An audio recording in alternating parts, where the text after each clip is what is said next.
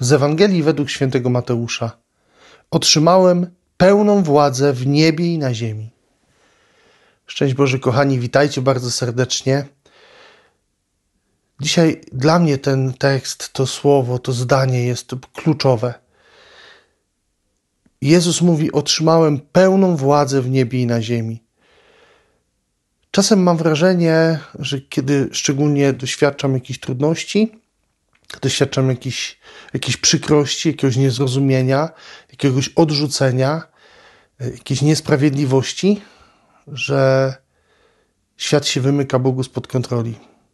Że jak On, który jest moim e, mistrzem, który jest moim przyjacielem, z kim naprawdę chcę budować i buduję, staram się budować bardzo głęboką relację, że nagle ten mistrz, mój przyjaciel się odwraca ode mnie i w ogóle nie widzi moich potrzeb, moich e, pragnień. Jak to jest? Dzisiaj Jezus mówi, że On ma pełnię władzy nad wszystkim, co jest w niebie i na ziemi. Że On ma władzę nad całym złem.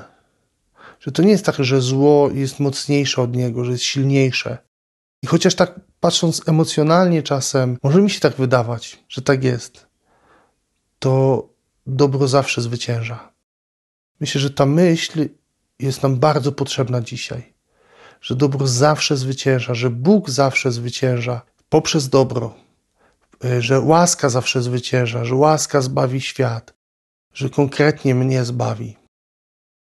Kochani, niech ta prawda zakorzeni się bardzo głęboko w naszych sercach. Niech ona będzie takim zdaniem, które będzie nas prowadziło, szczególnie w tych chwilach dla nas trudnych.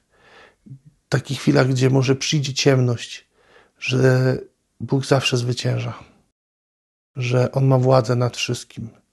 I tak jak uciszył burzę na jeziorze, tak jak wypędzał złe duchy, tak jak uzdrawiał choroby, tak jak wskrzeszał, tak może i te wszystkie moje sytuacje, które dla mnie są wiem, trudnością, cierpieniem, grobem, że z nich może mnie wyprowadzić ku pełni i ku błogosławieństwu. I takiego życia nadzieją i wolnością w Jezusie Wam życzę. Błogosławię Wam serca, trzymajcie się dzielnie, zasubskrybujcie ten kanał, dajcie łapkę w górę, dajcie lajka, jakiś komentarz. I polecajcie innym, tak żeby też ta dobra nowina docierała do wszystkich. Może szczególnie do tych, którzy dawno już nie słyszeli albo już nie wierzą, że jest dobra nowina, że nowina, że Ewangelia jest dobra, że Słowo Boże jest dobre, że Słowo Boże może budować, a nie tylko przygniatać człowieka. Trzymajcie się dzielnie, do usłyszenia i zobaczenia już wkrótce. Z Panem Bogiem.